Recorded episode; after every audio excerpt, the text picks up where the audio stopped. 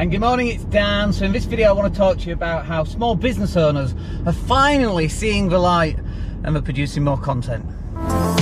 Welcome to the Daniel Latto Podcast Show. Fresh content covering business, investing, marketing, money, health, and more.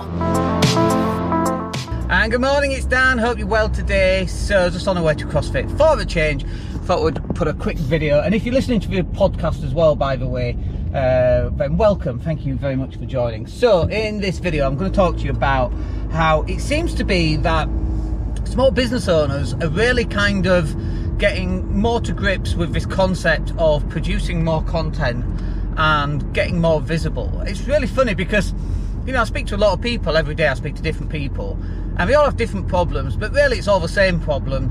And the problem is not enough customers, um, and the reason there's not enough customers is they're just not promoting the business properly.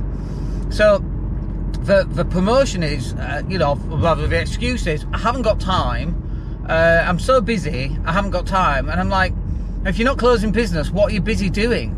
If they're busy doing unproductive things or things that won't necessarily move their business forward, a lot of it is faffing around on Facebook and LinkedIn and email, and they do this kind of rotation, don't they? Uh, don't you, in fact, if this is you, uh, where they, you know, they, they check Facebook and then they check LinkedIn and then they check their emails and then they check WhatsApp and then they go back to YouTube and watch a video on how to grow a business and then just keep going back and seeing if it's if they've had any any kind of responses coming in. It's a very responsive way of growing your business, and it doesn't work.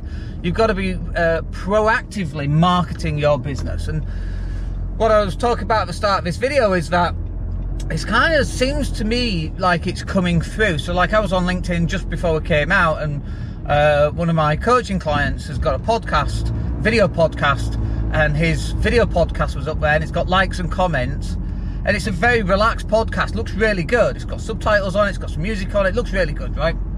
So then it's like, oh, finally he's getting it. Finally he's putting content out. And what's really funny, because he's a business coaching client, is that we've had several conversations around. Um, oh, so you now you're starting to put content out, and now suddenly you're getting all these opportunities. Isn't that funny? He's been a coach for uh, quite a number of months, and it's like, you know, if at first you don't get the results, do what your bloody coach told you to do. That's me, by the way. I'm his coach. so, so now he's actually getting stuff coming through, and it's like, oh, finally. And you see other business uh, owners actually starting to put more content out, and you're like, thank goodness for finally getting it. And by the way, I totally get it because I, I, you know, even now, even though we put out so much content, we're we're in the same boat. We finally get it. It's like you got to put out a shit ton of content. That's it.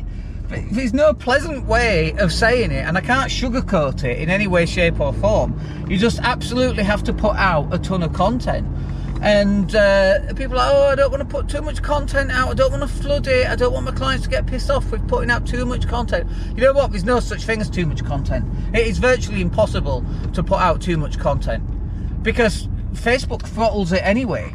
So that that one video that you put out, you're getting maybe what? You're getting 7% of people on your list are seeing that video. And it's less than that. It's less than that these days. So you've just got to put out 10 videos a day. Even 10 videos a day. Not everybody's going to see that video. If it's 7%, 10 videos a day, that's 70%. That's just not enough. so you've got to put out a lot, a lot of content. There's no such thing as too much content. Trust me on this. Uh, Gary Vee will put out 20 pieces of content a day at least, right? Alex Hormozi puts out 20, 80 pieces of content a day, right? There's no such thing as too much content. There's just not enough content. That's it. Uh, so, anyway, I'm at CrossFit and I'm late. So, hope that's useful. We'll catch up with you on the next one. Have a wicked day. Take care.